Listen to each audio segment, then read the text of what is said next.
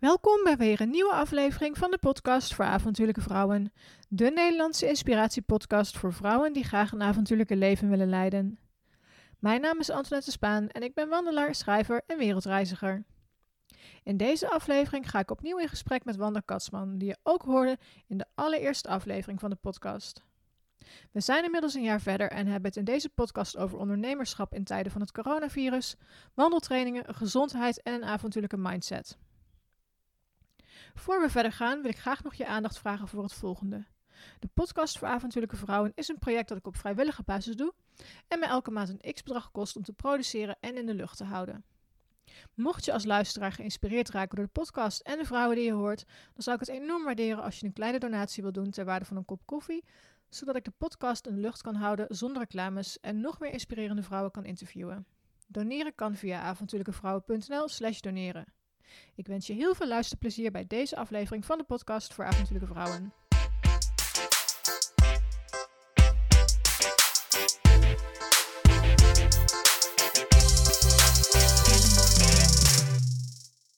Welkom, Wanda. Ehm, we zitten hier in Arnhem en het leek mij leuk toen wij gisteren aan het appen waren van, goh, uh, zullen we morgen gaan coworken om gewoon een nieuwe podcast op te nemen? Want de vorige opname is van bijna een jaar geleden. Dus ik dacht, het is gewoon superleuk om weer eens even bij te kletsen over hoe het jou een jaar later vergaat nu. Ja, super. Dankjewel voor de uitnodiging. En leuk om een keer uh, te zien uh, hoe jij hier midden in het bos uh, je eigen plekje gecreëerd hebt. Echt, dankjewel. Leuk. Inclusief stroom die uitvalt. ja, ach. Ja, hoort erbij. Nee, voor de luisteraars, we, hadden net, we wilden net gaan starten met het opnemen van de podcast. En het apparaat waar, waar we dat mee doen, dat moet aan de stroom. En hij gaf aan low battery. Dus ik dacht, hoe kan dat nou? Hoe kan dat nou? Zit hij niet ingeplucht, maar de stroom lag er even af. En dat is iets wat regelmatig gebeurt hier. Omdat we op laag voltage zitten. En als er te veel apparaten aanstaan uh, ergens, dan, uh, dan schiet hij eruit. Maar hij doet het weer. We zijn weer up and running. Dus we kunnen beginnen. Helemaal leuk. Um, een jaar geleden hadden wij, bijna een jaar geleden hadden wij afgesproken met elkaar. Was jij mijn eerste gast? Ik vond het heel spannend toen, want gaat het allemaal wel goed? En uh, nou, volgens mij ben je inmiddels met ruim 400 of 500 beluisteringen een van de meest beluisterde podcasts. Wauw. Um, hoe gaat het met jou een jaar later? Ja, eigenlijk heel erg goed. En ik vind het altijd een beetje moeilijk om te zeggen in deze uh, tijden van corona, uh, waar we nu nog steeds ja. in zitten. Uh, omdat ik toch ook wel zie dat heel veel collega's, ZZP'ers om me heen toch best wel moeilijk hebben. en ik merk dat, dat het ja, bij mij eigenlijk gewoon heel goed gaat. Ik heb het heel erg druk. Uh, ik heb mooie projecten waar ik mee bezig ben. En uh, ik ben gewoon met heel veel uh, ja, leuke dingen bezig. En het, het, blijft gewoon doorlopen. Natuurlijk is er ook een hoop weggevallen. maar we zitten nu gelukkig in een, in een fase waarin langzaam maar zeker het land weer open gaat. En we weer wat meer mogen doen. En ja, ik word er eigenlijk alleen maar heel blij van. Ja, nou, ik vind het heel herkenbaar wat jij zegt. Want ik krijg ook natuurlijk best wel vaak de vraag van mensen: hoe gaat het met je? En dan zeg ik eigenlijk best wel goed. Natuurlijk gezien om corona-omstandigheden. Maar uh, het is niet zo dat per definitie, omdat het corona is, dat je maar uh, een rotleven moet hebben nu. Het is natuurlijk ook een beetje wat je er zelf van maakt uiteindelijk. Maar ik herken wel wat je zegt. Want ja. de ene deur die gesloten wordt, die ja, biedt weer uh, open, of, ja, openingen naar, naar andere ja. mogelijkheden. Je moet toch je, uh, je business, zeg maar, gaan overdenken. En ik merk dat daar dan ook gewoon wat meer tijd voor is. Uh, en je komt toch ook wel weer tot creatieve ideeën. Uh, ik ben toch meer, meer en meer naar buiten gegaan. Ondanks dat ik in het begin echt alleen maar in mijn eigen omgeving ben gaan wandelen. Maar ook daar kwam ik toch weer ook nieuwe paden tegen. En dat vond ik eigenlijk heel erg tof. Om ook te, te merken dat je dus in je eigen omgeving ook gewoon nog steeds nieuwe dingen kan ontdekken. Ja, ja, nou ja, dat, dat doe ik natuurlijk met het Veluwe Zwerfpad. Ik zat echt te kijken van, ja, maar ik wil iets van een project of iets waar ik me op kan uitleven. Of wat kan ik gaan ondernemen nu we eigenlijk gewoon niet zoveel meer mogen. Toen dacht ik, ja, maar het Veluwe Zwerfpad, dat loopt bijna hier langs. Dus, maar dat mag, want ik mag vanuit mijn huis mag ik gewoon wandelen. En zo heb ik dat opgepakt. En uh, zo zie je dus maar wat voor creatieve ideeën daarvan uh, uh, ja, daarmee ontstaan eigenlijk. Ja. En wat doe jij? Want jij vorig jaar, we waren het even aan het terugrekenen, had je waarschijnlijk net je baan opgezegd. Ja. En ben je fulltime voor jezelf gaan werken. Ja, ja, ja best, wel, uh, best wel een spannende stap toen. Uh, wel wetende dat ik in een, een, een backup had, omdat ik een freelance opdracht uh, voor een jaar had. Dus dat gaf zekerheid om ook die stap te nemen. en ook de tijd en de ruimte om mijn wandelbedrijf verder te, te ontwikkelen. En als ik nu kijk waar ik een jaar later sta, ja, weet je, um, tuurlijk, corona heeft daarin wel iets veranderd. Want het idee was om vanaf juni echt volledig op het wandelen uh, te kunnen gaan leven. Dus dat dat stuk van mijn bedrijf eigenlijk mijn volledige inkomsten zou zijn. Dat is nog niet helemaal het geval, maar dat vind ik ook niet erg. Het is ook wel fijn om iets van een uh, backup te hebben, zeker nu, um, om inkomsten te genereren. Dus ik doe nog wat freelance werk, maar ik zie wel dat het hele wandelstuk uh, enorm gegroeid is. En dan met name de online wandeltrainingen en de wandelclinics die, daar, die ik daarbij één op één nu geef. dat is echt wel een stuk wat gewoon enorm gegroeid is. En waar ik gewoon heel veel in geïnvesteerd heb. Om dat nog, steeds, nog meer beter te maken, uitgebreider te maken. Een heel nieuw systeem. In plaats van mails heb ik nu een online community met een e-learning programma. Weet je, dus ik heb ook echt wel heel veel tijd en energie gestoken om dat, uh, om dat echt te laten groeien. En dat, uh, en dat werkt. Dus dat is heel tof om te zien. Ik kan er steeds meer mensen mee, mee helpen. En daar word ik gewoon echt heel blij van. Leuk. En hard work pays of uiteindelijk. Dat is natuurlijk wat jij nu gaat, uh, gaat merken. Want wat doe jij precies? Want vorig, vorig jaar kan ik me nog herinneren. Zei ik tegen jou volgens mij. Jij bent professioneel wandelaar. Wat is dat? Ja. um, en nu, doe, nu doe je iets die kant op. Zou je de luisteraars kunnen vertellen ja, hoe dat zich eigenlijk ontwikkeld heeft. En wat je precies naast je blog uh, aan het doen bent ja. op dit moment. Ja, ik heb dus inderdaad mijn blog uh, Wandel Wandelt. En daar, uh, daar schrijf ik dus eigenlijk over wandelen en inspireer ik mensen. Maar het grootste gedeelte van mijn business is nu toch wel echt het wandeltrainer. ik ben opgeleid wandeltrainer, dus NOC NSF gecertificeerd. en dat betekent dus eigenlijk dat ik mensen leer hoe ze moeten wandelen. Nou, dat klinkt natuurlijk heel raar, want iedereen zegt, ja hallo, iedereen kan toch wandelen? Is je ene voet voor je andere zetten. Hoe moeilijk kan dat zijn? maar ik vergelijk het altijd een beetje met hardlooptraining. Heel veel mensen die gaan hardlopen, uh, die uh, merken na verloop van tijd dat ze last krijgen van blessures of die ja. komen niet zo goed vooruit. Uh, en die nemen dan een hardlooptraining. En eigenlijk is wandeltraining hetzelfde, alleen is de techniek iets anders. Mm -hmm. um, maar met de wandeltraining zorg je er eigenlijk voor dat je je hele lichaam gebruikt om zo goed mogelijk en zo snel mogelijk vooruit te komen. Um, okay, ja. En nou is snelheid misschien niet altijd het doel. Kijk, als ik uh, bij de atletiekvereniging wandeltraining geef, daar lopen ze 8 à 9 kilometer per uur. Wat? Wandelen. Wandelend. Wow. Ja, ja ze, dat is echt sportief wandelen. Ja. Um, kijk, en op het moment dat jij een gewoon lekker relaxed wandeling wil maken, dan is het prima als dat op 4,5, 5, misschien 6 kilometer per uur is. Uh, maar dan wil je dat wel zo makkelijk mogelijk doen. Ja. Zodat je geen last krijgt van knieën, heupen, onderrug, schouders, nek. Nou ja, ik heb zo'n beetje alles al voorbij uh, horen komen ja, van mensen die, uh, die na verloop van tijd toch pijntjes krijgen. En nou, eigenlijk helpt een wandeltraining en een goede wandelhouding helpt je om dat te voorkomen. Um, dus wat ik eigenlijk doe, daarmee is dat ik mensen echt leer van nou, wat is nou de juiste wandelhouding. En als ze een één op één clinic of een training bij mij volgen, dus echt live zeg maar, dan, uh, dan ga ik ook echt kijken naar hoe loop jij nou eigenlijk en waar kun jij nou op verbeteren? Wat zie ik in jouw houding en in jouw loopgedrag waar jij op kunt gaan trainen om dat te mm -hmm. verbeteren, waardoor je dus klachten gaat voorkomen of gewoon, of gewoon makkelijker gaat lopen. Ja. ja, het is wel grappig, want ik zit even terug te denken aan onze workation in Limburg afgelopen jaar. Jij weet precies waar ik naartoe wil volgens mij. En toen zei jij ook tegen mij van, jee, jij doet jouw voeten helemaal niet goed afwikkelen. En dat heeft me wel aan het denken gezet, maar ik heb er dermate weinig mee gedaan. Mm -hmm. Omdat ik, maar ik liep toen altijd wel met heel veel moeite, vijf kilometer per uur. Dat ik was iets dat van puff, puff, hijg, hijg. Ondanks dat ik wandelaar was, maar ik was nooit zo gefocust op tempo en, nee. en, en soepel bewegen.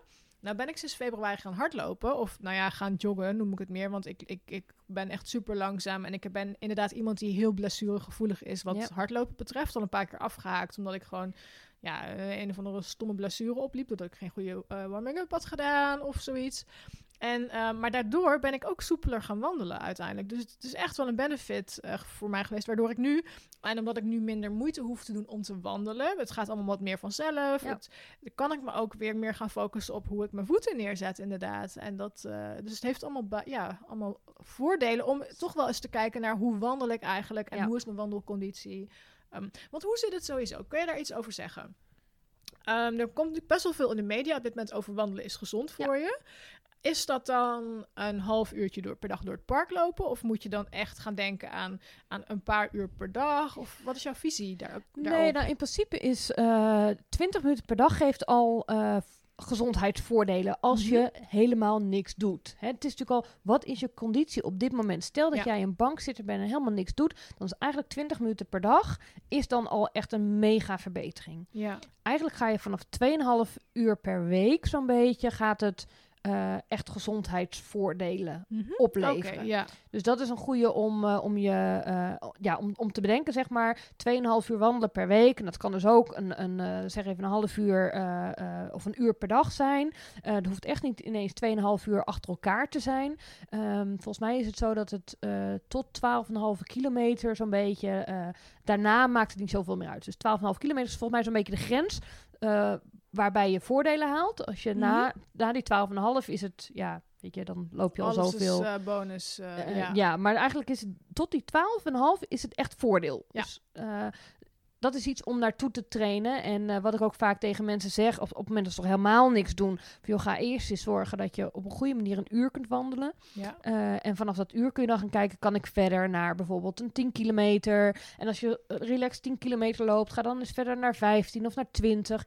En ja, als je een meerdaagse tocht wil lopen, want daar heb ik er, nou, daar krijg ik best wel veel vragen over. Hoe train je nou voor een meerdaagse tocht? Ja, dan moet je ook echt je lichaam ook echt op kracht gaan, gaan trainen. Ja, dan ga je echt een hele andere kant op met rugzak lopen en, Ja. en misschien Ja, maar sowieso met wandelen. Eh, met wandelen gebruik je heel veel spieren in je lijf. Ja. Eh, ongemerkt. Eh, en met name, mensen denken altijd van, nou ja, de beenspieren zijn het allerbelangrijkste. Ze zijn absoluut belangrijk. Dat, weet je, krachttraining op de beenspieren, dat gaat heel veel problemen in je knieën en zo voorkomen. Maar mensen vergeten vaak ook hun core. Dus eh, Ja, ja. eh, buikspieren, rugspieren, dat zijn ook hele belangrijke spieren om, eh, om te trainen. Om eigenlijk makkelijker te wandelen en minder snel last te krijgen van andere kwaaltjes. Oké, dus als, jij, als, als er mensen bij jou in een trainingstraject komen, Ja. geef jij ze dan ook tips voor dingen die ze naast het wandelen nog kunnen doen om wat sterker te worden? Nou, dat eigenlijk pas vanaf de, de training naar 20 kilometer toe komt echt Mhm. een stukje kracht kijken. Omdat je na 10 kilometer, weet je, 10 kilometer kun je eigenlijk wel,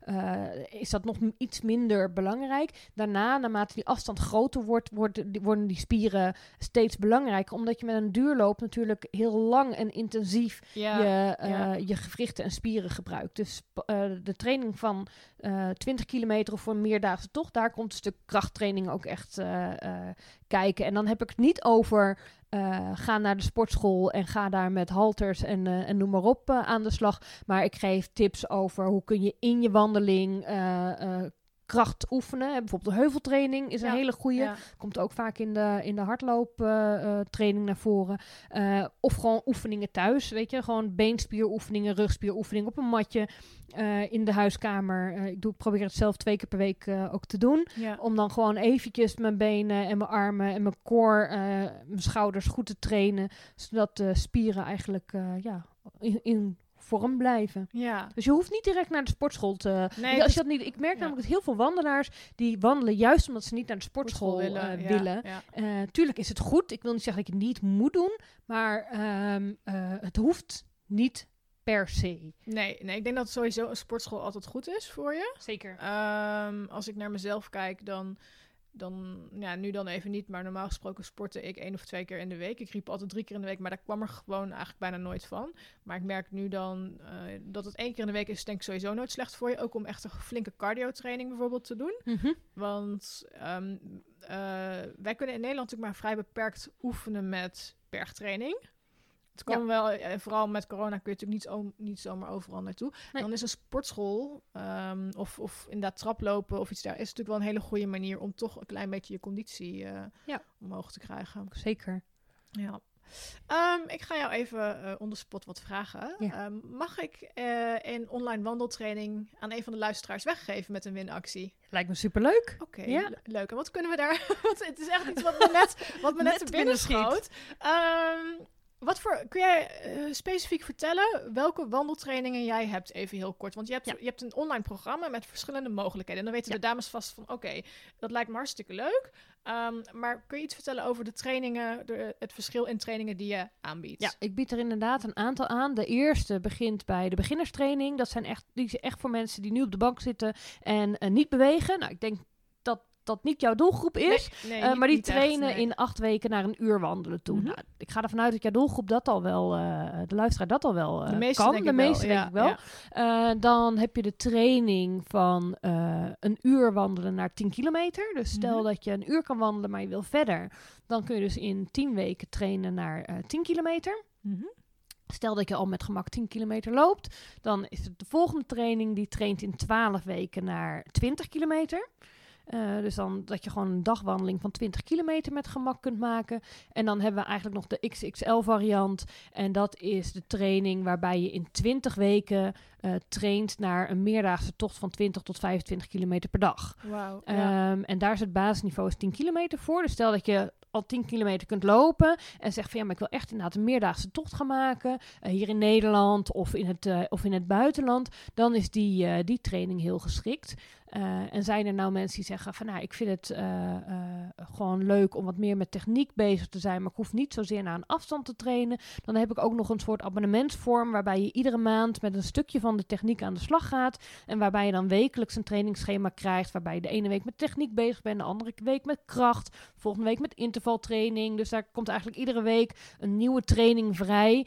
van ongeveer een uur. Waar je dan zelfstandig mee aan de slag kan. Dus dat is een beetje. dat is ja. de, de range aan eh, trainingen die ik allemaal heb. kiezen, Ja, ja, ja. ja. En dan eh, degene die wint, die mag dan een van die trainingen uitzoeken. Ja, ja, ik denk dat het leuk is dat we dan eh, dat we dat inderdaad doen. En dat we stel je voor dat ze dus het train door programma, dus de, die, die Mhm. wekelijkse training willen hebben. Dan zou ik zeggen van nou dan geven we daar een kwartaal, Ja. de, de kwartaalabonnement ja, op. Superleuk. Dus dan krijgen ze één kwartaal gratis en willen ze dan blijven, ja dan krijgen ze naar de betaalde dan gaan ze het betalen. Maar dan, dan hebben ze in ieder geval een, een kwartaal lang, drie maanden lang aan techniek kunnen werken. Ja, superleuk. Ehm, ja zeker. Even te denken, zullen we voorstellen dat de luisteraars die kans willen maken op, eh, op een gratis wandeltraining, dat ze iets met Instagram moeten doen? Misschien een leuke Instagram story maken of Ja. waarom zij eh, graag eh, kans willen maken daarop? Lijkt me een hele leuke. En als ze mij dan taggen met eh Wanda wandelt, dan kan ik ze ook zien. En dan de hashtag wandeltraining erbij. Dan,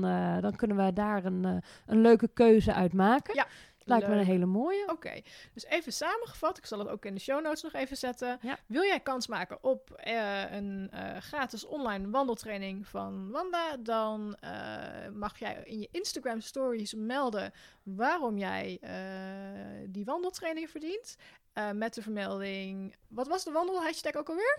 Wandeltraining. Wandeltraining. En mij, dus avontuurlijke vrouwen en Wanda wandel taggen. En dan gaan wij eh, de meest originele inzending belonen met een gratis wandeltraining. Superleuk, ja. Leuk. Nou, dan gaan we eens even kijken. ehm, want ik had, ja, ik had jou hier ook eh, uitgenodigd om eens ook over het ondernemerschap te praten. Omdat ehm, ondernemerschap is natuurlijk niet per definitie iets waar ik heel veel over praat in mijn podcast. Maar het leek me wel leuk om eens te kijken van, goh, wij zijn allebei begonnen als blogger. Mhm. Als gewoon eh, leuk voor de bij. En moet je kijken waar we nu eigenlijk zitten. Allebei fulltime, ja, bijna fulltime ondernemend. Ehm, hoe is dat jou... Of laat ik, het, nee, laat ik het nog even wat verder inleiden. En ik merk nog steeds dat, dat veel dames een droom hebben. En denken van, oh, maar ik zou ook wel zoiets willen. Ja. Maar ik durf het niet. Ja, soms is het, ik durf het niet. En wat ik de afgelopen week heb ik toevallig twee dames gesproken. En die zeggen ook van, ja, maar hoe kom je er dan achter wat je gaat doen? Oh, daar heb ik wel een heel goed antwoord op. Dat weet je namelijk niet. Nee. Of tenminste, ehm, het is wel grappig. Ik was een, ongeveer een jaar geleden was ik op de half year review van Camp Love van Anne. Die had ik via LinkedIn gezien. En bij die review ga je ehm, het afgelopen half jaar reviewen en je gaat eh, een half jaar vooruitblikken. Dus wat ga je het komende half jaar doen? En dat was, ik had volgens mij nog wel de URL avontuurlijkevrouwen.nl gekocht, maar het stond nog niet online. En ik wist wel dat ik daar van alles mee wilde. En ehm, ik had toen, zij geeft dan ook aan van, wil je, stel een aantal doelen voor jezelf. En een daarvan was dus de podcastopnames gaan starten en ehm, de site online zetten. Maar ik wist toen nog niet dat ik nu, een jaar later, wandelingen zou organiseren, een blog erbij zou hebben en in te huren zou zijn als spreker. Dus even terugkomend op de vraag van wat ga ik dan doen? Ik denk dat je heel erg moet kijken naar iets wat je ongelooflijk leuk vindt om te doen. Waar je passie ligt. Want je moet vooral iets gaan doen wat je heel erg leuk vindt. En dat de mogelijkheden en, die, en de ideeën die komen gaandeweg, komen die wel. Ja. Is, dat, is... is dat jouw ervaring ook? Nou, dat is inderdaad precies wat ik uh, beide dames ook verteld heb. Van, kijk, bij mij is het ontstaan uh, acht jaar geleden, toen ik uh, vanuit Zeeland naar de provincie Utrecht verhuisde, er rust in mijn leven kwam en er tijd voor mezelf kwam, in plaats van dat ik alleen voor mijn zoon moest zorgen. En dat ik mijn vroegere passie. Als tiener wandelde ik heel veel met mijn vader. Lange trektochten, de Pieterpad, GR5, uh, dat, soort, uh, dat soort dingen. En dat ik dacht van, oh, weet je, hoe kan ik nou beter mijn provincie ontdekken dan al wandelend? En toen langzaam maar zeker kwam die passie er weer. En omdat er ruimte was in mijn hoofd, ontstonden er ook allerlei ideeën hoe ik daar iets mee kon doen. En natuurlijk, dat begon heel simpel met een, een actie voor Reuma Nederland. En dat ik geld op ging halen, duizend kilometer ging wandelen in een jaar. En nou ja, dan ga je bloggen en dan open je een Twitter-account en noem maar op. En naarmate dat zich vormde, kreeg ik door dat mensen het ontzettend leuk vonden om mijn verhalen te volgen. En kreeg ik steeds meer vragen. En zo langzaam maar zeker in die, nou ja, zeven, acht jaar dat ik nu bezig ben, is dat eigenlijk van ik vind het gewoon lekker om weer te wandelen en eh, wat foto's te maken en erover te schrijven. Naar een compleet wandelbedrijf waarbij ik mensen echt help op pad te gaan. Dus dat had ik zeven of acht jaar geleden. Als je mij had gezegd: hey, jij wordt wandeltrainer, dan had ik gezegd: Nou, Koekoek. wat is dat? ja, ja, precies. Ja. Weet je, dus inderdaad, wat jij zegt, het is iets, uh, iets wat gaandeweg ontstaat. En het allerbelangrijkste is inderdaad dat je iets doet waar je echt, waar, waar, ja, waar je hart eigenlijk van in de fik gaat. Ja. Uh, en uh, uh, daar is het bij mij eigenlijk ook ontstaan. Michelle Sparreboom, een hele goede kennis van mij, die, die heeft mij eigenlijk gestimuleerd om dit te gaan doen. En zij heeft ook het platform Hart in de Fik. Hmm. en zij zei altijd van waar gaat, jou, waar gaat dat vuurtje nou van branden? Ja. En dat is eigenlijk waar, waar de kern zit. Ja. En dat is ook heel erg waar ik naar kijk op het moment dat ik weer iets anders bedenk. Of weer iets met iets nieuws in mijn hoofd loopt. En ik, word ik hier nou echt warm van? Ja. Gaat mijn hart hiervan in de fik? Waar word ik nou echt blij van? En op het moment dat je dat hebt gevonden, um, dan zeggen heel veel mensen: ja, daar kun je je geld toch niet mee verdienen? Want dat is dan een volgende, hè? Ja, ja maar hoe uh, dan? Maar ja, hoe doe je dat dan? Uh, maar ik denk dat als je iets met passie doet, dat, je, uh, dat er altijd een verdienmodel aan te hangen ja. valt. Er valt altijd iets voor, voor te bedenken. En iets wat er nu nog niet is, betekent niet dat het niet mogelijk is. Nee. En, en nee. dat is wat heel veel mensen die voelen. Ja, maar dat, dat, dat kan toch niet, weet je? Want dat doet toch nog niemand. Online wandeltrainingen, die, uh, die bestonden nog niet. Ja, Nee. tuurlijk kon je een wandelschema ergens downloaden. Dat, weet je, dat, dat kan op heel internet. Spreadsheetje, Ja, een spreadsheetje en, en, en dan. Ja. Eh, maar een online programma voor wandelen was er niet. En iedereen zei van, ja, maar daar hebben mensen toch helemaal geen behoefte aan. Ik bedoel, je moet toch één op één met ze of in een groep. Of tuurlijk is het prettiger als ik ze gewoon uh, uh, in een groep heb op één, op één op één. Want dan kan ik echt een analyse maken, kan ik echt kijken, kan ik persoonlijke tips geven. Maar dat wil niet zeggen dat je met video, uh, met goede teksten, goede uitleg iemand niet verder kan helpen. En dat Nee. zie ik nu. Ik heb Ja. nu bijna 300 deelnemers in, de, in de wandeltraining, online wandeltraining zitten. En die gaan gewoon echt als een speer. Ik krijg prachtige reacties terug van dames die gezegd hebben van weet je, ik, ik ben afgevallen, ik loop makkelijker, ik loop sneller, ik kan eindelijk mijn man eens bijhouden. Weet je, en dan denk ik, ja, weet je, het is dus niet altijd nodig om dingen live te doen. Nee, zeker En, niet. Het is misschien ehm, dat duwtje in de rug wat mensen nodig hebben. Juist, het is vaak ook het duwtje in de rug, de stimulans, dat er iedere week een mailtje komt van hé, hey, er staat weer een nieuw trainingsschema voor je klaar met nieuwe tips. Ja. Ehm, dus het feit dat iets nog niet bestaat, wil niet zeggen dat het niet kansrijk is. En dat is vaak wel wat ik merk bij mensen van ja, maar ja, weet je, ja, dat, dat gebeurt nog niet. Dus ja, moet ik dat dan wel gaan doen? En de andere valkuil is vaak dat, eh, dat mensen denken, ja, maar iedereen doet dat al. Ehm, dus ja, weet je, waarom zou ik het dan ook nog eens gaan aanbieden? En dan denk ik ook wel eens van ja, maar ga dan kijken, wat is dan jouw eh, specifieke punt waarop jij anders bent? Weet je, wat is jouw USP? Wat is jouw unique selling point? Iedereen heeft iets unieks. Ja. Dus op het moment, kijk naar, maar naar hoeveel blogs er zijn. Waarom kunnen al die blogs bestaan? Omdat ieder blog toch zijn eigen Ja, eh, waar, eh, dingetje heeft. Ehm, en dat vind ik ook een stukje, nou, even koppeling naar het avontuurlijke. Juist door anders te gaan denken, moet je, ga je dat soort avonturen eigenlijk ook met jezelf aan. En eh, moet je, ik vind ook dat je ondernemerschap echt als avontuur eh, Ja, moet zien. Weet je, ik ga af en toe ook met mijn bek. Ik heb af en toe ook dingen waarvan ik denk van nou, dit wordt echt een hit. En dan vervolgens dan verkoop ik bijna niks. Nee, nee. Ehm, maar dat is wel weer ook weer een soort van reflectie ga ik dan doen. Van ja, maar hoe komt het dan? Heb ik er dan, zijn de teksten niet goed? Of is het inderdaad iets wat gewoon, wat mensen gewoon nog niet kennen? Heeft het langer aanlooptijd Mhm. nodig? Eh, noem Ja. maar op. Weet je, en, en, en het is, ja, weet je, het is altijd, het is vallen en opstaan. Nou ja, en ik denk ook wel dat je er niet meteen moet instappen met ik wil rijk worden daarmee. Nee. Ik denk echt dat, dat, dat, dat de kansen vooral liggen op de, op de plekken van ik ga iets met heel veel passie doen, omdat ik het echt geweldig leuk vind. En dat geld, dat komt er uiteindelijk wel. Het is ook helemaal niet slim om, om meteen je baan op te zeggen. Om te zeggen, Nee. nu ga ik voor mezelf beginnen. Heeft mij ook Ehm, zes jaar geduurd, hè, voordat ja. ik dat gedaan heb. Dus Nou ja, mij ook echt een paar jaar. En nu nog doe ik gewoon af en toe freelance schrijfklussen Ja. daarnaast. Omdat, ja, vooral nu in coronatijd... kan ik gewoon niet volledig leven van Nee. mijn eh, reisblog en avontuurlijke vrouwen. En merk ik gewoon van, nou ben ik heel blij dat ik gewoon freelance wat, eh, wat dingetjes erbij kan doen. Zodat ik wel gewoon aan het einde van de maand mijn rekeningen kan betalen. Zo goed eh, en kwaad als het gaat nu in coronatijd. Maar ik merk wel dat ik blij ben dat ik die skills gewoon bijgehouden heb. En, ehm, Ja. Maar ga er dus vooral niet van uit dat je binnen een jaar je baan op kunt Nee. zeggen. nee, zeker niet. Er zijn uiteindelijk uitzonderingen op de regel. Mijn vriend heeft dat ook kunnen doen omdat hij in contact kwam met iemand eh, waarvoor, waar, waar eigenlijk een programma voor klaar lag waar hij mee aan de slag kon. Ja.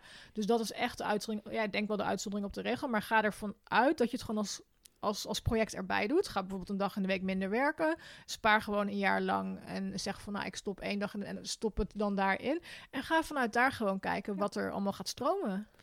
En eh, zet jezelf ook eh, een, een stip op de horizon. Ik roep al zeven jaar lang dat het mijn missie is om heel Nederland aan het wandelen te krijgen. Hmm. Dat is natuurlijk, ja, weet je, hoe bedenk je het? Heel Ja. Nederland is nogal veel. ja. Eh, maar het geeft mij wel bij alles wat ik doe ook iedere keer weer even dat momentje dat ik denk: oké, draagt dit bij aan het feit dat ik heel Nederland aan het wandelen ga krijgen, ja of nee? En zodra het ja is, ja, dan betekent dat dat ik het moet gaan doen. Zodra het nee is, denk ik van, nou ja, weet je, dan dan, dan nee, past het dus niet bij mijn missie. Nee. En moet ik daar ook niet, eh, moet ik me daar ook niet in, eh, eh, in mee laten slepen. Ja, En ik denk dat dat ook wel heel belangrijk is. Dat je wel echt focus houdt. En focus houden betekent niet dat je maar met één ding tegelijk bezig mag zijn. Nee, nee. Eh, maar focus houden betekent wel dat je heel goed voor jezelf hebt. Hey, wat is mijn, mijn doel? Wat is mijn, eh, mijn missie? En draagt dit daar ook werkelijk aan bij? ja. Eh, in plaats van overal maar op ingaan omdat je geld moet verdienen. Eh, en ik denk dat dat ook wel een hele. Dat is voor mijn blog bijvoorbeeld heel belangrijk. Eh, ik krijg best wel wat aanbiedingen. En dat is altijd voor mij de afweging: past dit of niet? Past dit bij mijn blog? Past dit bij mijn lezers? Past dit bij mij? Als het niet bij mij past, moet ik het niet gaan doen. Nee, dat is heel goed. Ehm, want ja, inderdaad, nou ja, die linkaanbiedingen die krijg ik ook van ja, wil je linken naar een of andere online schoenenwinkel of eh, haarverfwinkel? Of denk ik, ja, dat past gewoon echt niet. En ja, dan moet ik inderdaad maar eens een keer zeggen tegen een leuk bedrag van ja, nee, dat ga ik niet doen. Maar dat houdt je wel authentiek. En Ja. ik merk dat ik daar gewoon heel comfortabel bij voel. Dat ik met alles wat ik heb gedaan de afgelopen jaren in oprechtheid kan zeggen van ja, dat voelde op dat moment goed, dat paste bij me. Ja. Dus dat heb ik gewoon op die manier. eh. En de, vind, eh, denk je dat, jou, dat je missie eh, kan, kan verschuiven? Of dat je. Ik, Oh, zeker wel. Kijk, ik heb nu gezegd. Heel Nederland. Misschien pakken we straks België er wel Ja. bij. Ik, ik kijk even naar jouw wereldkaart. Ja, en dan is, eh, is, is Nederland echt maar een klein stipje. Kijk, ik ben wel, eh, ik ben niet heel internationaal georiënteerd. Ehm, ook op mijn wandelblog eh, schrijf ik voornamelijk over wandelen in Nederland en eigenlijk de omringende Europese eh, landen. Dus ik zal niet heel snel zeggen van nou, ik ga heel Amerika helpen aan het wandelen. Hoewel dat misschien voor heel veel mensen in Amerika, wel heel goed zijn. is. Wat was het ook weer? 80% van de eh, IC-patiënten heeft overgewicht of zo? Ja, Ja, ja. in Amerika zou er wel. eh, Ja, dat is inderdaad het hele corona-verhaal natuurlijk. Eh, mensen met overgewicht eh, maken meer kans om inderdaad eh, op de IC terecht te komen. Eh, en dat heeft mij ook wel gesterkt in mijn, eh, in mijn verhaal, ook naar buiten toe. Om te zeggen van jongens, het- zeker nu is dat wandelen zo belangrijk. Het is laag intensief, of matig intensief noemen we het eigenlijk. Ehm, het is een goede manier om buiten te zijn, om aan je weerstand te werken. Kijk, het gaat nu echt de goede kant op en daar ben ik heel blij mee. Hè? Ja. Eh, het aantal sterfgevallen en het aantal eh, opnames in ziekenhuizen, dat eh, neemt gelukkig nog steeds af. Ehm, maar de kans dat er een tweede golf aankomt, is natuurlijk wel aanwezig. Op het moment dat jij de afgelopen tien weken binnen hebt gezeten en niks hebt gedaan aan beweging, ben je gewoon kwetsbaarder. En, en, en dat is wel wat ik echt nu ook naar buiten probeer te brengen. Van alsjeblieft mensen, ga gewoon s ochtends, middags, s avonds, al is het maar even in je pauze een half uurtje wandelen. Ga naar buiten, zorg dat je in beweging blijft. Ja, nee, ben ik helemaal met je eens. Ik... Ehm, daar hadden we het net, we hebben net even een wandeling gemaakt voordat we hier aan uh, tafel gingen zitten. Toen zeiden we ook al, of jij vroeg volgens mij aan mij van, goh, wat heb jij nou geleerd van de afgelopen tien weken? En toen zei ik ook van, nou, dat ik, ik ben aan de yoga gegaan. Want ehm, meer tijd dan ik de afgelopen tien weken heb gehad, krijg ik niet in mijn leven als ondernemer om A, nieuwe projecten te, te starten. Nou, dat heb ik ook gedaan. Mijn brein in de creatieve vrijheid te geven. Maar B, ook om iets nieuws te ontwikkelen. Want ja, wandelen zit er bij mij in. Dat doe ik, nou ja, op dit moment niet dagelijks, omdat ik ook uh, ga hardlopen. Uh, maar in principe ben ik sowieso elke dag een uur in beweging. Maar wat jij nu zegt, ik ben dus begonnen met yoga. Ja. Bij mij was yoga altijd zo'n ding waarvan ik dacht, dat moet er tussendoor, dat komt nu niet uit. En um, ik ben begonnen met een 30-day challenge. En daarna, toen heb ik even een pauze gehad, omdat ik uh, voorhoofdholtontsteking had gehad. Nou, ik doe maar een downward dog met voorhoofdholtontsteking. Nee, alles loopt naar beneden en het zit meteen weer pot dicht. Dat was geen optie. Maar ik ben nu vorige week weer begonnen, omdat ik echt dacht, hé, hey, ik mis het. Ja. Ik mis dat half uurtje in de ochtend, waarbij ik gewoon even volledige ontspanning heb. Toch ook gewoon mijn spieren uh, in beweging hou. Ja. En daar was deze periode eigenlijk gewoon uh, perfect voor. Ja. En, en ik vraag me dan bij mezelf af van... Um, hebben we dan nu met corona? Is er dan eindelijk die verandering in gang gezet? Of dat inzicht bij heel veel Nederlanders? Ik, ik, ik ja, ik zie je al bedenken. Uit, ik vind, het uit onderzoek is gebleken dat de Nederland, de Nederlander, minder is gaan bewegen. Oh joh. Ja, en dat is echt wel alarmerend. Ja. Uh, er is zelfs nu een, uh, uh, een project of iets opgestart om uh, bewegen nog beter op de agenda te krijgen, ook bij de ministeries. Omdat, uh, uh, ja, nou ja, wat ik net al zei, hè, mensen met overgewicht zijn gewoon vatbaarder mm. voor, voor corona. En daar kan het gewoon echt hard toeslaan. dus er, er, zijn nu na een aantal redelijk prominenten, zij hebben de handen ineen geslagen om echt een vuist te maken en te zeggen, bewegen moet eigenlijk gewoon een standaard worden. Ja. en jij gaf het al heel mooi aan, jouw yoga challenge van 30 dagen heeft ervoor gezorgd dat jij een bepaalde gewoonte hebt aangeleerd. En wat zij eigenlijk zeggen is, uh, bewegen zou net zo normaal moeten zijn als dat je twee keer per dag je tanden poetst. Ja, helemaal mee eens. Ja, en uh, ik denk dat ze daar een heel goed punt maken. Um, omdat uh, er gewoon nog te veel mensen uh, niet in beweging zijn. En uh, dat werkelijk een heel groot probleem uh, gaat veroorzaken. Ja, um, ja maar misschien even, even een zijweggetje. Ik ben aan het denken van... wat is nou letterlijk de consequentie op het moment dat jij overgewicht hebt? Uh, want dan worden natuurlijk ook mensen oud met overgewicht. Bij tandenpoetsen kunnen we zeggen... ja, maar als je als je, je tanden poetst... Ja, dan is het zichtbaar. Dan krijg je gaatjes of dan vallen, gaan je tanden op de duur ja. uitvallen. Dan moet je een kunstgebit. Met overgewicht ja, we weten wel dat het, het is een sluipmoordenaar. Het is een sluipmoordenaar. Weet je? Uh, hart- en vaatziekten, diabetes. Uh, het zijn, er zijn echt een heleboel ja. aandoeningen ja. die ontstaan door overgewicht. Wil trouwens niet zeggen, even ter correctie, dat iedereen met overgewicht diabetes krijgt. Want iedereen die diabetes heeft, overgewicht nee, uh, zeker niet, nee. heeft. maar het, de kans om dat soort aandoeningen te krijgen is wel vele malen groter. Als je overgewicht hebt. Als je overgewicht hebt. En um, dat moeten we gewoon voorkomen. Weet je, het, het, het, begint toch langzaam maar zeker ja, bijna een volksziekte te worden. Uh, ja. Obesitas. En ja. um, kijk, ik moet heel eerlijk zeggen, bij mij zouden er ook echt nog wel wat kilo's af mogen. Corona uh, heeft er ook voor 2 plus gezorgd. Um, en uh, ik ben ook niet een, een enorme gezondheidsfreak of weet je, ik, ik ben niet altijd bezig met diëten, maar ik zorg er wel voor dat ik genoeg beweeg en dagelijks in beweging ben. En ik denk dat dat echt, dat die boodschap is een hele ja, belangrijke, denk ik. Dat kan en een enorm verschil maken, denk ik. Ja. ja. Ja. ja. ik leef ook niet als een fit girl, bepaald niet. Ik neem gewoon een regelmatig glaasje wijn of een, uh, een, uh, een, zak chips. Ja. Um, ik beweeg wel bijna elke dag, maar ja, ik denk zes dagen in de week. Maar dat, soms is dat ook gewoon even een rondje fietsen. Het is echt niet dat ik elke dag met gewichten of zo aan de gang ben. Ik heb ook gewoon cellulitis. Ik heb ook gewoon wel eens dat ik denk van... oh ja, daar komt wel een uh, kilootje af. Ja.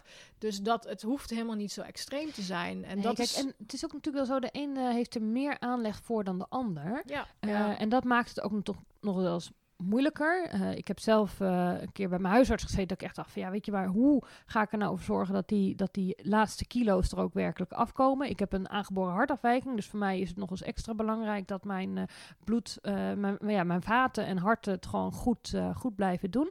En toen zei ze ook ja, maar Wanda, na je veertigste wordt het hormonaal gewoon lastiger om af te vallen. Ja. dus dat is ook nog eens een dingetje. Op het moment dat je ouder wordt, is het gewoon moeilijker. Ik weet dat ik, volgens mij was ik begin 20, toen woog ik 86 kilo. Dat is, echt, dat is voor mij zeg oh. maar de streef waar ik nooit meer heen wil. Ja, ja. Uh, en toen ben ik uh, eigenlijk vrij snel, uh, ik denk in twee jaar tijd, teruggegaan naar 58 kilo. Voordat Zo. ik zwanger raakte, wow. woog ik 58 kilo. Nou, die 58 zal ik nooit meer halen. Is ook echt niet nodig. Want ja, weet je, eh, nogmaals, ik, ik sta nu gewoon ook wel echt anders in het, in het leven. Um, maar het geeft wel aan dat dingen als je jonger bent gewoon makkelijker zijn dan wanneer je lichaam gewoon ouder wordt. Dus Klopt, ja, wees ook niet te streng voor jezelf, maar zorg er wel voor dat je gewoon lekker beweegt, dat je gevarieerd eet. Uh, niet iedere avond die zak chips. Weet je, tuurlijk, ik neem in het weekend ook een bakje chips en ik, ik hou ook van een mooi glas wijn. Uh, dat ga ik echt niet laten, uh, niet zomaar laten schieten. Maar het verschil tussen iedere dag vet en uh, ongezond eten. En versus dat beperken tot het weekend. ja, het moet een extraatje worden, geen gewoonte. Juist, ja. En gewoonte moet dus wel worden dat je elke dag even gaat bewegen. Nou, dat bewegen, dat is denk ik het allerbelangrijkste. Ja, ja, ja. En dat, uh, uh, en dat hoeft dus helemaal niet moeilijk te zijn. Want ik heb dus die eerste weken in coronatijd uh, gewoon vanuit mijn huis heel veel gelopen, heel veel gewandeld. En, en dus ook weer nieuwe paden ontdekt. Dus weet je, je kunt zelfs dicht bij huis kun je het gewoon avontuurlijk maken. Zeker, ja, ja, ja. Nou, dat is helemaal waar. En um, ik, hoop, ik hoop echt dat, dat, dat zich in Nederland nu gaan realiseren van goh, maar ook ja, gewoon de Nederlanders zelf van hey, dit, moet anders. Um, want we willen uiteindelijk allemaal niet uh, ja, te lijden hebben onder corona. En ik dacht alleen maar in het begin toen ik het hoorde van die 80%, dan dacht ik, wow, dus voor mij was het nog een grotere motivator om gezond te gaan leven. Dus ik heb bijvoorbeeld mijn groente- en fruit uh, inname, heb ik, ben ik beter op gaan letten. Want ja. daar was, daar, was uh, daar uh, schort het nog wel eens aan. Ja, ja, dat was echt wel zo van ik dacht, oh, ik heb helemaal geen groente gegeten vandaag. En dat zijn gewoon hele kleine dingetjes waarvan je denkt van, oh, wacht even, oh, ik heb al drie bakken koffie op, laat ik er vooral niet nog een vierde en een vijfde uh, ingieten vandaag bijvoorbeeld. Maar kijk gewoon ook bij jezelf waar je het misschien, ja, waar, waar voor jou uh, winst te behalen. Waar voor jou winst te behalen. Dus ik denk dat dat het belangrijkste is. En waar jij je goed bij voelt. En leer jezelf een gewoonte aan die je ook vol kunt houden. Ja, moet niet, niet, niet, meteen zo, niet meteen extreem. Want dat ga je gewoon Je hoeft niet te gaan diëten. Maar pas gewoon stukje voor stukje kleine dingetjes aan. En ik denk dat dat uh, echt ook de boodschap moet zijn. Ga meer bewegen en kijk in je voeding stuk voor stuk van oké, maar wat kan ik nou, wat kan ik nou aanpassen? En voor mij werkt het gewoon heel goed. Als er bij mij geen chocola of chips in huis is, eet ik het ook niet. Nee. Nee, dat is vrij lastig met een kind. nee, nou ja, wij halen dus eigenlijk nooit dat soort dingen in huis. Tenzij we echt specifiek zeggen van... oké, vanavond hebben we zin in chips, dan neem ik chips mee bij de boodschappen. Maar het is niet, ik doe twee keer in de week boodschappen. Nou, je, ziet waar we wonen, redelijk middle of nowhere. Mhm. Het is niet, we gaan even naar de supermarkt voor een zak chips. Maar ik koop ze ook niet standaard bij elke dingen boodschappen. Want dan gaat het gewoon op. En dan moet een extraatje zijn van... oh, het is vandaag zondag, we hebben zin in een biertje en chips erbij. En dan is dat gewoon helemaal prima in mijn... Uh, want het maakt het leven ook gewoon soms af en toe een stukje leuker. Absoluut. Dus Absoluut. Of gewoon een McCrocketje halen. Ik ben trouwens wel bijna vegetarisch geworden. Dat is, ook een, dat is denk ik ook wel... Corona was misschien wel het laatste zetje daartoe. Dat ik ben, meer ben gaan experimenteren met uh, vleesvervangers. Oké. Uh, ik eet nu nog één keer in de week vlees ongeveer, denk ik. Van, van vijf, zes keer in de week vlees. Een jaar geleden. Zo. Dat ik nu wel denk van, ik vind het ook niet meer nodig. Maar dat is echt heel natuurlijk gegaan. Ik heb het boek ook gelezen van Roanne van Voorst. Uh, Ooit aten we dieren heel interessant om dat te lezen. Uh, wat, hoe dat echt eraan toe gaat en zo. Ik zal je geen betoog gaan houden voor, uh, voor vegetarisch eten. Want het moet iedereen gewoon lekker zelf uh, weten, vind ik. Ik, ga, ik, ben, mm, ik ben nog steeds iemand die zegt: ja, maar ik lust ook wel een hamburger. Eén keer in de, nou ja, week, twee weken of zo. Maar um, dat heeft corona voor mij opgeleverd. Dat ik echt wel bewuster ben gaan kijken van... vind ik die kip nou, die, die, die ik door de, door de, door de nasi doe... vind ik die nou echt lekker? Of vind ik het niet lekker? Ja, of ja, merk ik wat voegt het toe? Ja, precies dat, ja. ja. Ja. Um, nou, we begonnen over ondernemerschap. Ja. We hebben het over kip. Hele andere kant op dan dat we bedacht hadden. Maar, nou ja, ik denk dat we wel een beetje eh, hebben geschetst hoe, hoe het kan verlopen als je ondernemer wilt worden. Of in ieder geval iets, iets, iets je passie wilt volgen. En dat het vooral geen rechte lijn is, maar dat het gewoon heel hobbelig is. En, het is een groot ehm, avontuur. En ik denk dat, dat, en dat je het ook zo moet zien. En uh, bij een avontuur horen ook tegenslagen. en uh, ik bedoel, als ik een trektocht maak, dan ga ik af en toe ook onderuit. Weet je, letterlijk. Mm. Gewoon op mijn bek. Ja. En, uh, ja, en dan sta ik weer op en dan ga ik weer door. Heel veel van die dingen zie je natuurlijk niet. Er zijn natuurlijk best wel veel podcasts ook over ondernemerschap. En over hoe je succesvol kan worden. En veel boeken over hoe je succesvol kunt worden. Maar kijk maar eens hoeveel verhalen er zijn van mislukte. Niemand die mislukt is, zal een boek gaan schrijven. Nee. Uiteindelijk. Misschien wel een mooi idee. Ja, misschien kunnen we daar eens over nadenken. Kijk, zo, zo ontstaan weer nieuwe ideeën.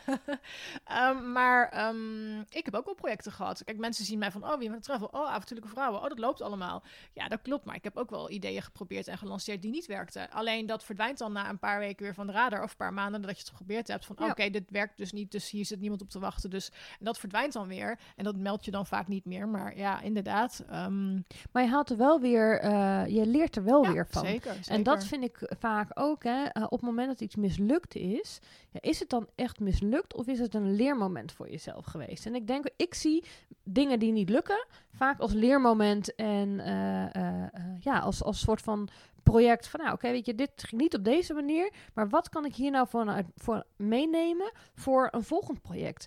Ja, en is het, uh, misschien was het wel niet het juiste moment. Uh, een van mijn, van, ja, mijn mislukkingen, ik wil het dus geen mislukking noemen. Ik heb ooit uh, storytelling workshops georganiseerd.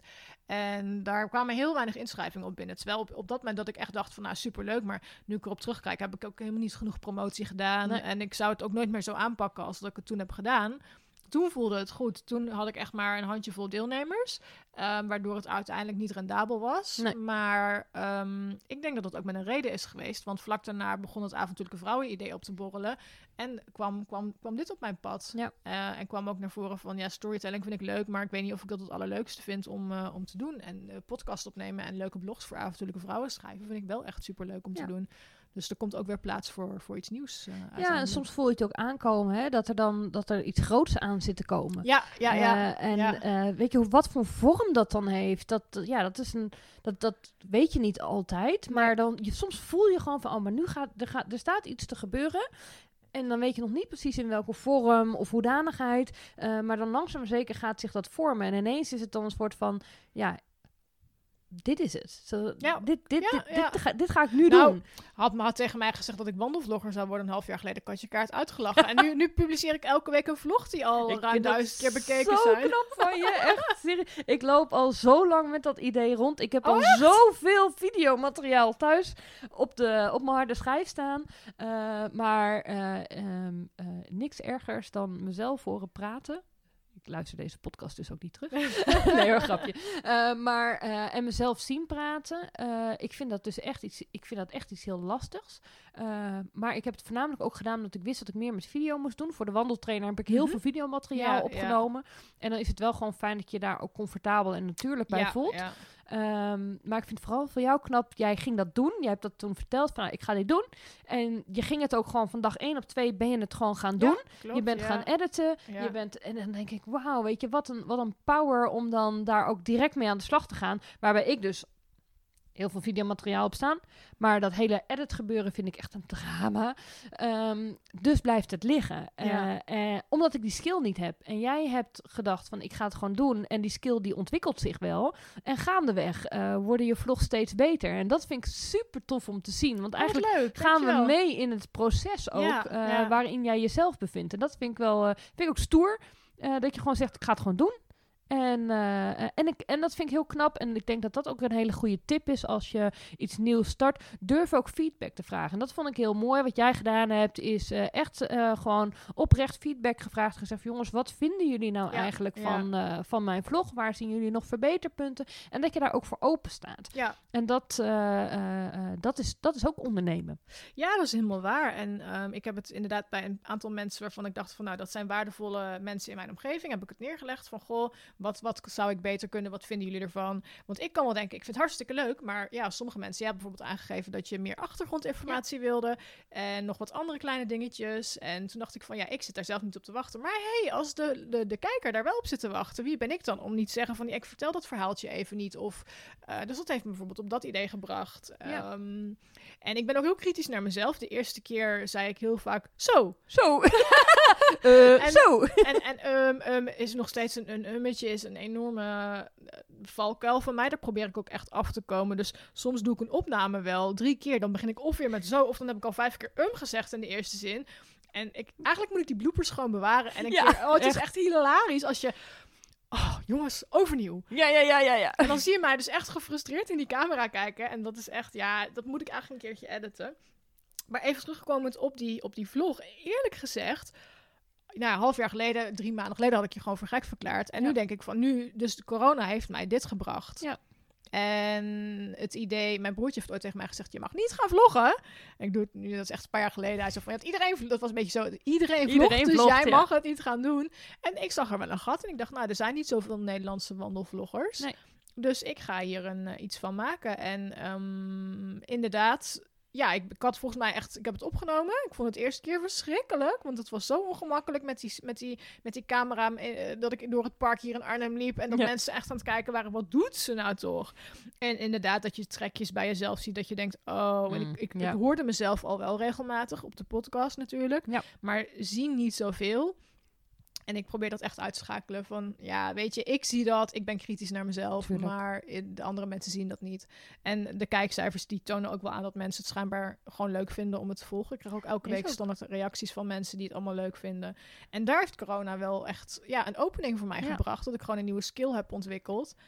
Dus in die zin ben ik uh, ook wel dankbaar voor deze periode. Dat ik gewoon nieuwe dingen heb kunnen maken en ontwikkelen. Het is een hele mooie tijd geweest, denk ik, voor heel veel ondernemers. Ook een hele moeilijke tijd natuurlijk, maar ook wel een mooie tijd om even te herijken. Om even te ja. kijken van, hé, hey, waar sta ik nu?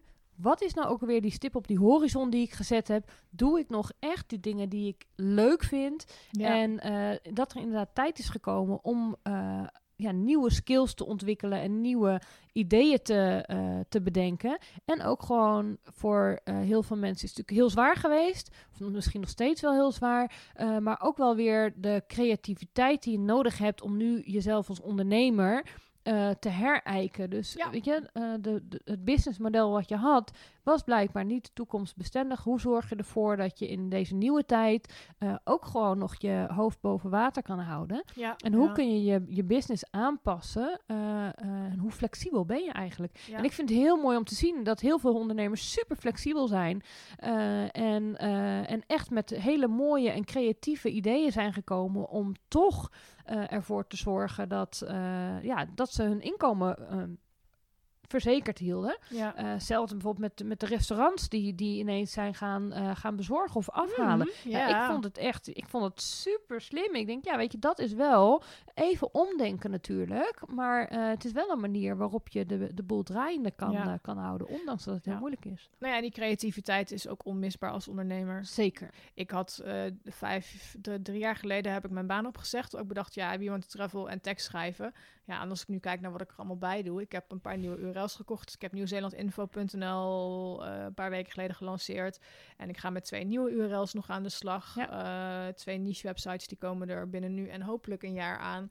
Dus het heeft me echt wel um, geëikt, maar ook even de creatieve flow weer op gang geholpen. Ja. Van hey, wat vind ik nou eigenlijk het leuk? Wat vind ik nou het leukste van alles wat ik doe? Wat vind ik het leukste? Tuurlijk, je moet ook uiteindelijk ergens, je moet je broeksriem uh, of je broek kunnen ophouden. Ja. Dus je zult moeten kijken waar, hoe kan ik geld verdienen met hetgene wat ik het allerleukste vind. Dat is als je fulltime uh, ZZP'er bent of mm -hmm. ondernemer, dan komen dat soort dingen aan de orde. In het begin veel minder, omdat je dan het waarschijnlijk naast je uh, bestaande werk doet. Ja. Um, maar inderdaad, het is wel een, uh, het is een periode geweest, waar, geweest voor mij waarin ik heel erg heb kunnen herontdekken van, oh ja, wat vond ik ook alweer leuk aan het ondernemerschap en waarom doe ik wat ik doe? Is mijn doelgroep nog juist? Is mijn missie nog Yes. juist? Klopt het allemaal nog met wat ik gedaan heb de afgelopen jaren? Ja. En, uh, Voelt het nog goed? Ja, ja, voelt het nog goed? Word ik, nou ja, zoals Remco Klaassen, volgens mij is het Remco Klaassen, zegt, uh, gaat mijn kwispelstaart er nog van aan? ja, ja, ja, ja, mooi. Gaat hij aan van alles wat ik doe? Ja. En ik denk niet dat je uh, dat je 100% alleen maar leuke taken kunt hebben. Ik heb ook niet altijd zin om dingen op Facebook te zetten of mijn administratie te doen. En dat is ook helemaal niet, dat zou niet je doelstelling moeten zijn. Maar ik denk oprecht dat 75% van de werkzaamheden die ik doe, vind ik echt onwijs leuk. En als dat niet zo is, zou het ook niet goed zijn, toch? Nee. Als je als ondernemer dingen doet waar je niet achter staat, die je niet leuk vindt, dan zou het niet goed zijn. Tuurlijk, ik heb het met mijn administratie ook. Ik ga straks zes weken uh, ben ik onderweg. Uh, dus ik zat me nu al te denken, oh ja, ik moet deze week wel echt mijn btw-administratie voor Q2 ja. alvast in orde gemaakt. Dat ja. die zover als mogelijk klaar, staat. vind ik verschrikkelijk. Dan ben ik ja. een dag bezig met al die bonnetjes en facturen en Neem je jezelf ook altijd voor elk kwartaal? Ja, dat je denkt, dat doen? nou ga ik het echt niks iedere week bij Ja, precies. Ja, die, ja. ja, dat is Dream on. Ja, dat heeft corona niet bij mij veroorzaakt. nee, nee, nee. Maar dat zijn gewoon dingen, ja, en die horen erbij. En natuurlijk, ik kan ook zeggen van, joh, ik stuur al die facturen door naar een boekhouder en hij doet het lekker maar zelf. Betaal ik er iets meer voor. Maar dat zijn vind ik dan wel weer hele belangrijke dingen juist om zelf te doen. Zodat ik zelf ook goed grip kan houden op uh, mijn kosten en mijn inkomsten. Dat ik gewoon zie wat er gebeurt. En uh, um, dat ik daar heel bewust van ben. In plaats van dat ik straks van mijn boekhouder te horen krijg van... hé, hey, je hebt nu wel even iets te veel geïnvesteerd. Ja, het, gaat niet goed, het gaat niet goed. Dus weet je, dat, dat hoort ook bij het ondernemen. Ook die, die, die cijfermatige kant Zeker, is heel belangrijk. Ja, ik ben echt een nerd geworden met allemaal spreadsheets. Dat is echt wat ik uit een cursus heb geleerd. Ik, ik, ik werk met spreadsheets per maand. Ik werk met spreadsheets wat, wat inkomsten betreft. Ik weet precies wat er, wat er binnenkomt aan advertenties en aan, aan uh, verkopen via mijn website. Dat is echt, uh, daar kan ik echt, uh, dat, dat, vroeger dacht ik echt, dat ga ik echt niet doen. En nu kan ik echt heel blij worden als ik s morgens wakker word en zie van, hé, hey, ik heb 100 euro verdiend afgelopen nacht omdat iemand iets via mijn website besteld heeft. Heerlijk. blij van. Ja, ja, ja. Hey, even afronden. Het is te kijken, we hebben 50 minuten staan. Dus ik wilde eigenlijk de laatste vraag nog even aan jou stellen. Ja, we zitten natuurlijk in coronaperiode. Hoe heeft corona jouw ehm, plannen voor de komende maanden beïnvloed? En wat ga jij doen deze zomer in coronatijd? Nou ja, um, in principe staat. Uh, ik, ik, ik, had al in mijn hoofd dat ik zes weken, uh, eigenlijk twee maanden, niks zou doen aan, uh, aan mijn business. En dan met name mijn freelance werk, wat ik uh, wat zou stoppen. Uh, dat is ingekort naar zes weken. Mijn plan om uh, um, drie weken in Zweden te gaan wandelen, dus de Olafleden af te maken, dat gaat helaas niet door. We mogen nog niet naar Zweden reizen. En ook al zou dat wel zo zijn, weet ik niet of ik me nu er goed genoeg bij zou voelen om twee dagen in de trein te zitten om op plaats van bestemming te komen. Ja, mm, ja. Dus, uh, dus die reis heb ik gecanceld. En in plaats daarvan uh, trek ik de achterdeur of de voordeur uh, achter me dicht. Mm -hmm. En ga ik het pelgrimspad naar Maastricht lopen. Oh, ik ben daar ooit vijf jaar geleden mee begonnen met mijn zoon in Amsterdam. En we zijn tot Haastrecht gekomen. Haastrecht ligt op 20 kilometer lopen van mijn huis. Ah, dus ik, ik trek de deur dicht. En ik ga uh, eerst naar Haastrecht de eerste dag en van daaruit uh, drie weken uh, het pelgrimspad verder volgen naar, tot aan Maastricht. Leuk. Dus dat wordt mijn alternatief voor de zomer. En eigenlijk wel een heel leuk alternatief, want het is een pad wat ik nog niet, verder nog niet, niet ken, zeg maar. Brabant is voor mij ook met name een, een regio die ik eigenlijk ook nog niet zo vaak bezocht heb. Dus ja, en het is gewoon heerlijk om drie weken lang geen laptop ik ga wel bloggen. Ik ga wel live bloggen, maar dat doe ik dan uh, op mijn telefoontje vanuit mijn tentje. Oh, leuk. Um, en, uh, en dan gewoon lekker uh, drie weken te, te genieten in, in Nederland. Ja. Heerlijk. Ja. fijn. Ja, ik ben op dit moment ook helemaal de Veluwe aan het ontdekken. Ik heb laatst in Garderen geslapen voor een paar nachtjes. En ik ben nu in het noorden aangekomen. Dus ik ga volgende week ga ik met een vriendin weer een etappe lopen. Um, uiteraard op gepaste afstand wil ik wel even bij zeggen. Maar dat is met wandelen kan dat kan dat kan nu prima. Ja, ja zeker. Prima, ja. Dus, um, en ik vind het ook echt mooi dat er veel initiatieven zijn om Nederland opnieuw te herontdekken. Zeker. Dus, um, ja. ja. ik ben eigenlijk uh, jij gewoon maar het beste van maken van de coronacrisis. Maar dat is het ook. En weet je, het reizen komt alweer. Ja. Uh, ik heb nu voor eind augustus uh, nog iets staan in Oostenrijk en Duitsland. Nou, verwacht dat dat wel weer, wel weer door kan gaan. En met een beetje geluk in oktober ga ik nog naar, naar Spanje toe om een deel van de Camino te lopen. Oh, lekker.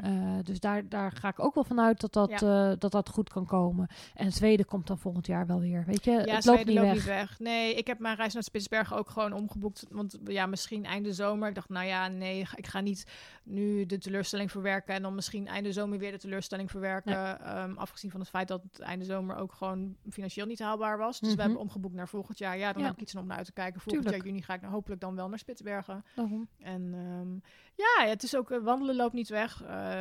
de landen lopen niet weg. En ik denk dat het heel verstandig is om op dit moment gewoon ook te kijken naar wat is verstandig. Ja, en waar voel je jezelf ook goed bij? Ik denk dat dat ook een hele belangrijke is. En weet je, in Nederland en ook in de omliggende landen, hè, België en Duitsland gaan straks natuurlijk ook weer open.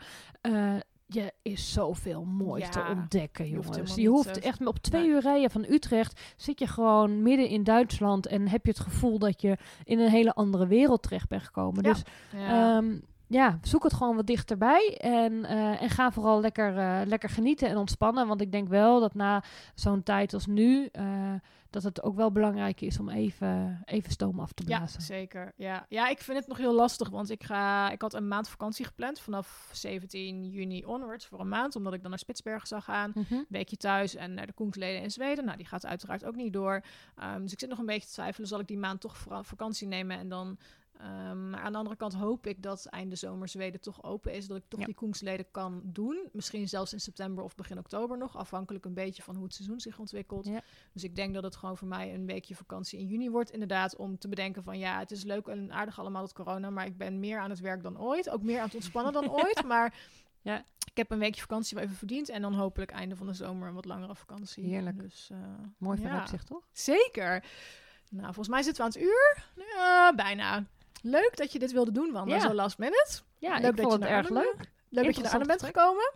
En um, ik wens je heel veel mooie nieuwe wandelavonturen en heel veel succes in je prachtige onderneming. Gaat helemaal goed komen, dankjewel. Jij ook bedankt. Hopelijk heb je genoten van deze podcast en hebben we je geïnspireerd om een avontuurlijke leven te leiden. Luister je deze podcast op iTunes, dan zou ik het tof vinden als je me 5 sterren waardering wilt geven. Wil je meer weten over mij of een van de gasten? Kijk dan op avontuurlijkevrouwen.nl en volg het Avontuurlijke Vrouwen-account op Instagram. Ook is er de besloten Facebook-community voor avontuurlijke vrouwen waar je kunt connecten met like-minded dames. Lid worden kan eenvoudig door een lidmaatschapsverzoek in te dienen. Voor nu bedankt voor het luisteren en graag weer tot de volgende keer.